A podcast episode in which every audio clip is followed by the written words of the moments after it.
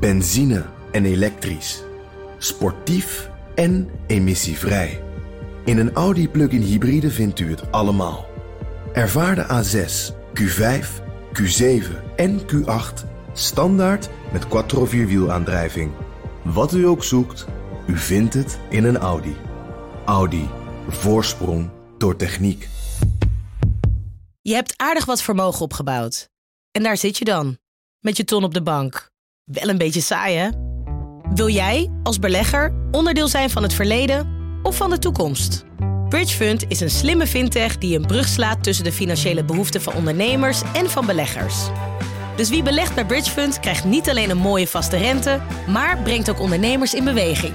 Echt waar. Met die ton kan je zoveel betere dingen doen. Bridgefund. Make money smile.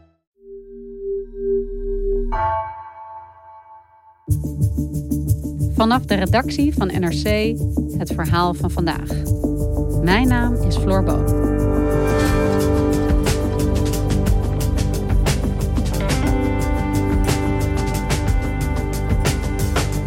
Zeker 13 nieuwe omroepen staan klaar om Hilversum te bestormen. Allemaal vertegenwoordigen ze een eigen doelgroep, religie of politieke stroming. En allemaal willen ze deel uitmaken van dat ondoorgrondelijke systeem van de Nederlandse publieke omroep. Jongeren kijken nauwelijks, ziet mediaredacteur Wilfred Takke. Toch is televisie nog altijd razend populair.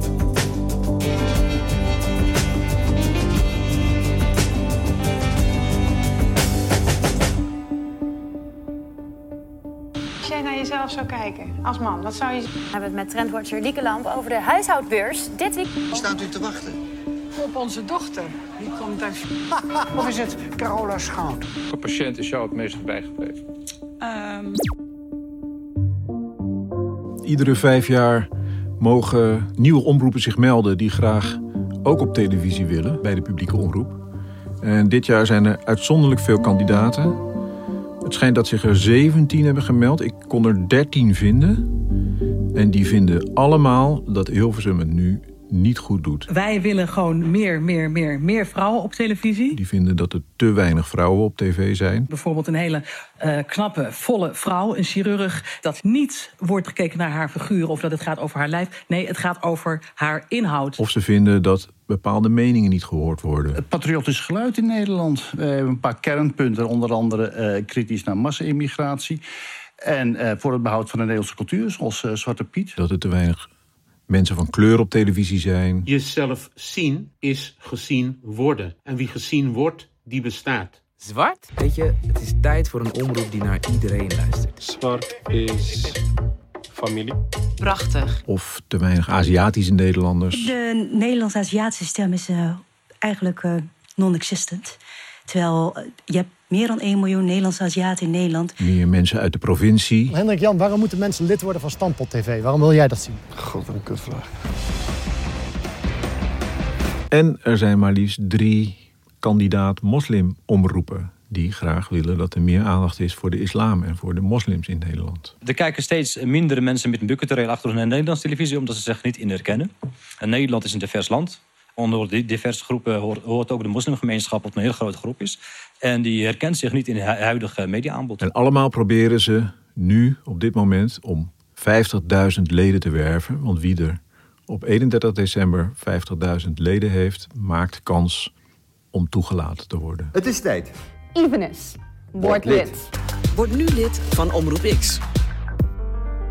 En twee zijn het al gelukt. Omroep Zwart van Aquasi en Ongehoord Nederland van Arnold Karskens. 50.000 leden, we hebben het gehaald. Dankzij iedereen die ons heeft gesteund. En we brengen uw geluid uit Hilversum op de Nederlandse televisie. Mediastorm op smaakcampagne. Ik heb de smaak te pakken en de smaak is champagne. Wilfred, jij zegt eigenlijk, je vertelt hier, iedere vijf jaar wordt dat omroepenstel uh, opengesteld. En zijn er dus nieuwe kandidaat-omroepen die zich kunnen aanmelden om ook een echte omroep te worden. Ik begrijp helemaal niets van het omroepenstel. Kun je me even uitleggen hoe dat in elkaar steekt? Hoe werkt ons omroepenstel? Het is ook niet te begrijpen. Eigenlijk boven alle omroepen staat het centraal bestuur van de NPO. Daar zitten de zendermanagers en die beslissen wie er wat mag maken op de televisie of op de radio. En wie daar geld voor krijgt. Alleen de NPO mag niet zelf programma's maken. Want de zendvergunningen, die zijn van de losse omroepen. De omroepen maken het, het Centraal Bestuur besluit. Ik moet eerlijk zeggen, ik, ik doe dit nu tien jaar, mediaredacteur. Tien jaar geleden zei ik, in 2020 is televisie een marginaal verschijnsel. En het omroepenstel bestaat al lang niet meer. Want da- daar leek het ook op. Het is, het is een verouderd. Het is uit de tijd van de verzuiling. Dat Nederland verdeeld was in bevolkingsgroepen. Als je katholiek was, dan ging je naar een katholieke school, katholieke voetbalclub, eh, katholieke tandarts. En dan keek je dus naar de katholieke televisie, de KRO. En daarom heeft iedere bevolkingsgroep zijn eigen omroep gekregen. Luisteraar van de radio, stem je af op de KRO.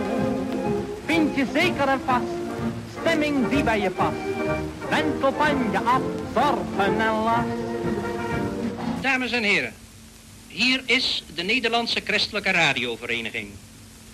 Onze NCRV komt thans tot u met woord en beeld. Of u onze programma's nu in zwart-wit of kleur bekijkt, het is altijd goed wanneer u kleur bekent en kiest voor een EO-lidmaatschap. Dat leek al lang achterhaald, want mensen geloven niet meer en eh, organiseren zich niet meer op die manier. Ik wil net zeggen, de verzuiling eh, ligt reeds lang achter ons. Eh, wat is het, eind jaren 60, begin jaren 70? Ja. Dat is best wel lang geleden. Ieder luisterend huisgezin schakelt graag de vara in. In Hilversum gaat het gewoon keihard door en eh, blijkt het eh, buitengewoon vitaal te zijn. Laten wij met elkaar de NCRV groot houden. Pittig, plezierig, principieel. Als je 18 bent of ouder en je wil nog wel eens wat beleven op radio en televisie, dan kies je je eigen omroep. Veronica dus. Is dit dan ook niet lang tijd om iets te doen aan het omroepbestel? Ja, dat eh, wordt eh, heel vaak geprobeerd vanuit Politiek Den Haag. Jarenlang zijn er bewegingen geweest om meer macht te leggen bij de NPO. Zodat die gewoon beslist en bepaalt wat er op tv komt. En wat zijn de pogingen geweest? eh, om Nou, de te- belangrijkste omslag is de, het, het bedenken van de zendermanagers. Dat zijn hele machtige mensen die het, het, ja, bijna eigenhandig bepalen wat er op de zender komt. En daarbij het geld uitdelen. Dat is in 2006 gebeurd. Er zijn zendermanagers aangenomen en die bepalen wat er bijvoorbeeld op NPO 1 of NPO 2 of NPO 3 gebeurt. Dus al die kanalen hebben een eigen manager. En Ja. dat is eigenlijk een heel machtig figuur. Want die deelt die zendtijd in en die zegt... eh, dit gaan we doen op vrijdag en dit op zaterdag en dit op zondag. Ja. Van die en die omroep. Ja, en dan komen de omroepen bij hem of haar om hun ideeën te pitchen.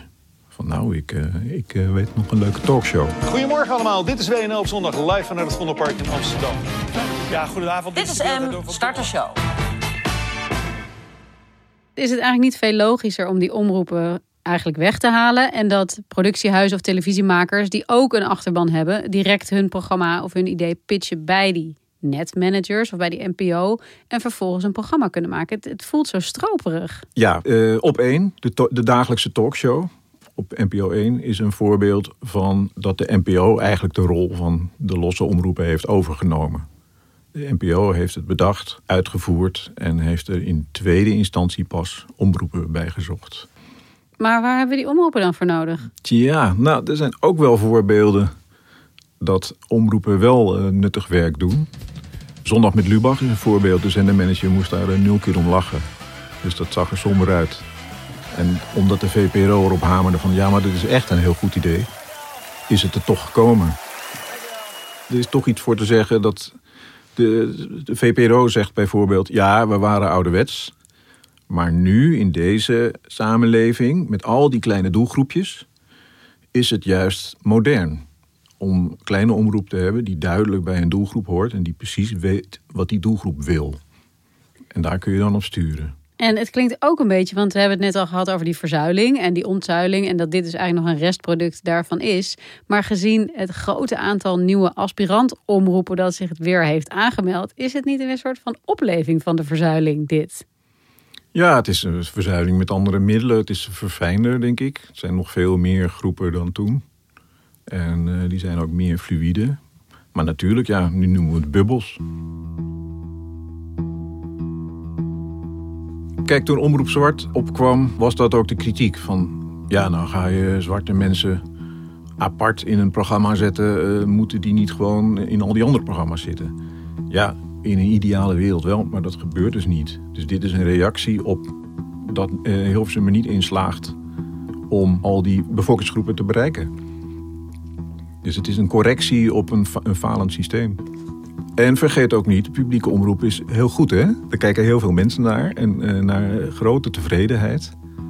Alleen het- dit gaat mis. Evenveel mannen als vrouwen op tv brengen. Het klinkt zo eh, logisch en Klinkt zo simpel. eenvoudig. En, de- en het jaar in, jaar uit mislukt het. Eh, jongeren aanspreken, eh, meer kleur op tv. Ja, zolang je daar witte bazen hebt. Witte mannelijke bazen, die zullen dat niet aanpakken. Ja, en die dus ook heel veel invloed hebben. Want zo'n netmanager, als ik het goed begrijp, die heeft zoveel zeggenschap over wat er wel of niet op televisie komt uiteindelijk.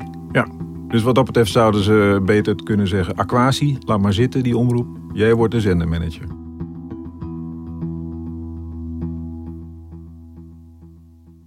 Er zijn dus nu 13 of misschien 17 eh, nieuwe kandidaat-omroepen. Die hebben straks, als ze een echte aspirant-omroep worden, zeg maar, hebben dan straks 50.000 betalende leden. En dan, wat gebeurt er vervolgens? Oké, ze gaan naar de minister, ze laten hun leden zien.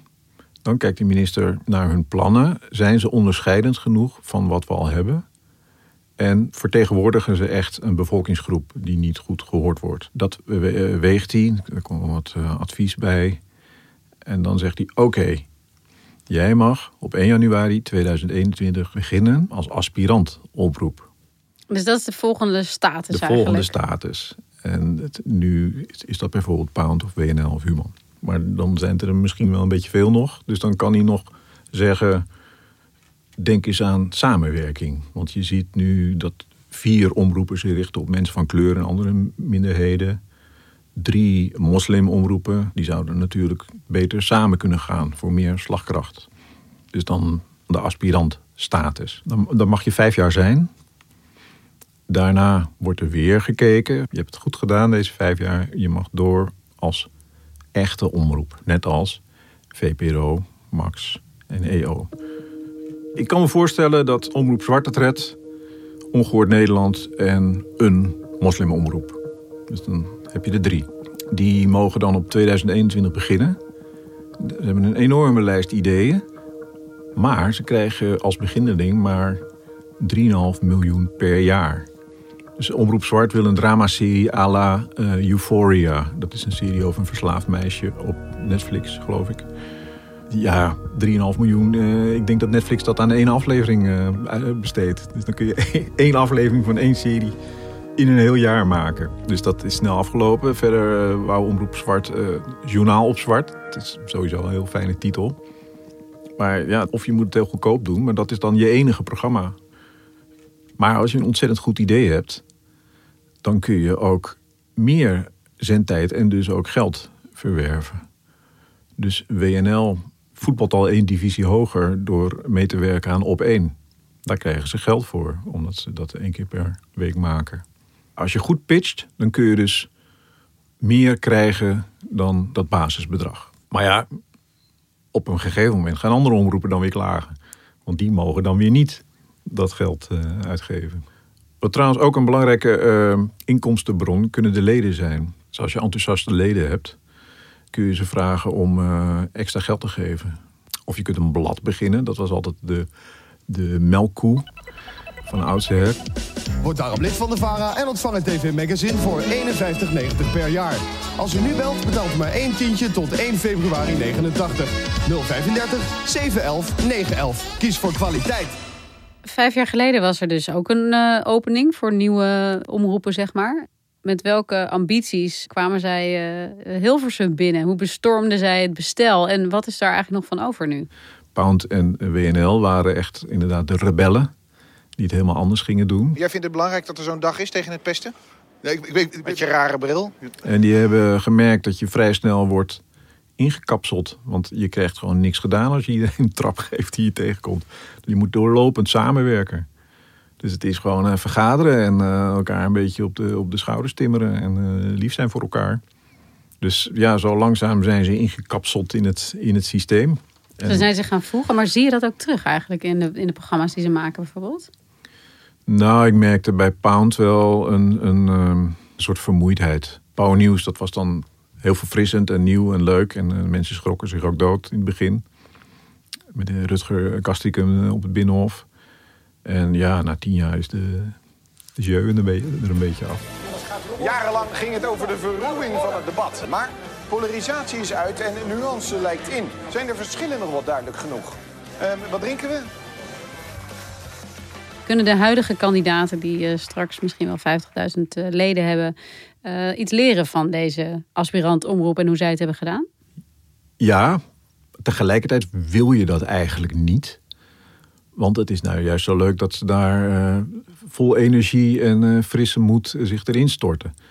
Ja, moet je ze dan gaan vertellen, nou het is de hele dag vergaderen hoor. En dan mag je één programmaatje maken. Dat is natuurlijk geen leuke boodschap. Je vertelde eerder dat als je eenmaal bent toegelaten tot het omroepenstel, dat je eigenlijk niet meer verdwijnt. Maar zijn er aspirant omroepen geweest die het gewoon niet hebben gered? Die zijn mislukt, zou je kunnen zeggen, en die niet meer zijn teruggekeerd? Ik kan me Link herinneren. Dat was een, een linkse omroep. Die hadden een radioshow, de Geitenwolle Sokkenshow. De Geitenwolle Sokkenshow met Margreet Rijntjes. Weg, die is verdwenen. En verder zijn er wat pogingen tot moslimomroep geweest. En die gingen ten onder in ruzie en corruptie ook. Trouwens, dat is wat Bert Huisjes van WNL als tip meegaf aan de nieuwelingen. Verwacht dat je begint met heel veel ruzie intern. Maar dat, wie gaat ze dat vertellen? Nou, jij nu. en waarom is Link ten onder gegaan? Is dat ook, was dat ook ruzie? Dat is wel een uh, belangrijke les voor de nieuwelingen. Die hadden niet genoeg toegevoegde waarde volgens de adviescommissies. Dus ze deden niet genoeg anders dan de bestaande omroepen. En wat nou als al die omroepen straks genoeg leden hebben en we dus misschien 17 nieuwe omroepen aan het bestel gaan toevoegen? Wat dan? Ja, dat zou leuk zijn. Maar ik denk niet dat het gebeurt. Ik denk dat de minister dan toch zegt: ik kies die en die en dan is het wel welletjes. Ik denk een stuk of drie. Drie ja. of zo. Is er nog zoveel behoefte aan televisie? Ja, 4,5 miljoen mensen kijken gemiddeld drie uur televisie. Per dag? Per, per dag. Dat is gigantisch. Televisie is helemaal niet dood. Alleen uh, ze worden steeds ouder. En uh, de kijktijd neemt langzaam af, dat wel. Maar heel langzaam. Want er zijn ook gewoon ontzettend veel ouderen in Nederland. Dus zolang die blijven kijken, is er niets aan de hand. Behalve dat je dus geen jongeren trekt. Dus eigenlijk vergrijst de omroep ook, zou je kunnen zeggen. Zeker, ja. Als je kijkt naar de jongerenzender NPO 3, daar is de gemiddelde leeftijd 42, geloof ik. Er is een uh, jongerenomroep, uh, U-Icon, ook voor minderheden, maar vooral op jongeren gericht. Ja, waarom zou die, die niet op Instagram zelf beginnen of op YouTube? Dat, uh, dat heeft Ongehoord Nederland ook al gedaan. Maar toch, als je op de televisie komt, dan krijg je zoveel meer aandacht.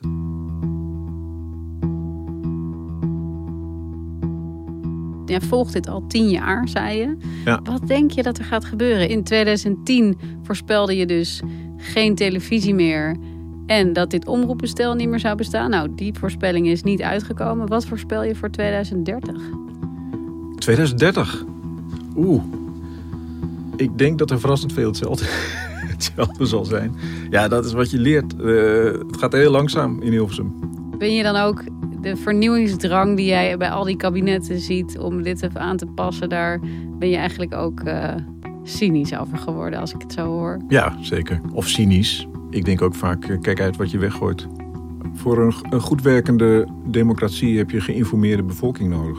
De burger moet, of zelfs een plicht vind ik bijna, zich informeren. En, en zo breed mogelijk. Niet alleen maar wat hij toch al vindt horen, maar alles horen. Zeker nu we helemaal niet meer buiten komen, de corona. De televisie bepaalt het beeld van Nederland, hoe wij Nederland zien. We gaan, uh, we gaan het zien. Over tien jaar hoor ik je graag nog een keer, uh, Wilfred. Ja, hier. tot uh, in 2030 dan. Ja, hey, dankjewel. Graag gedaan.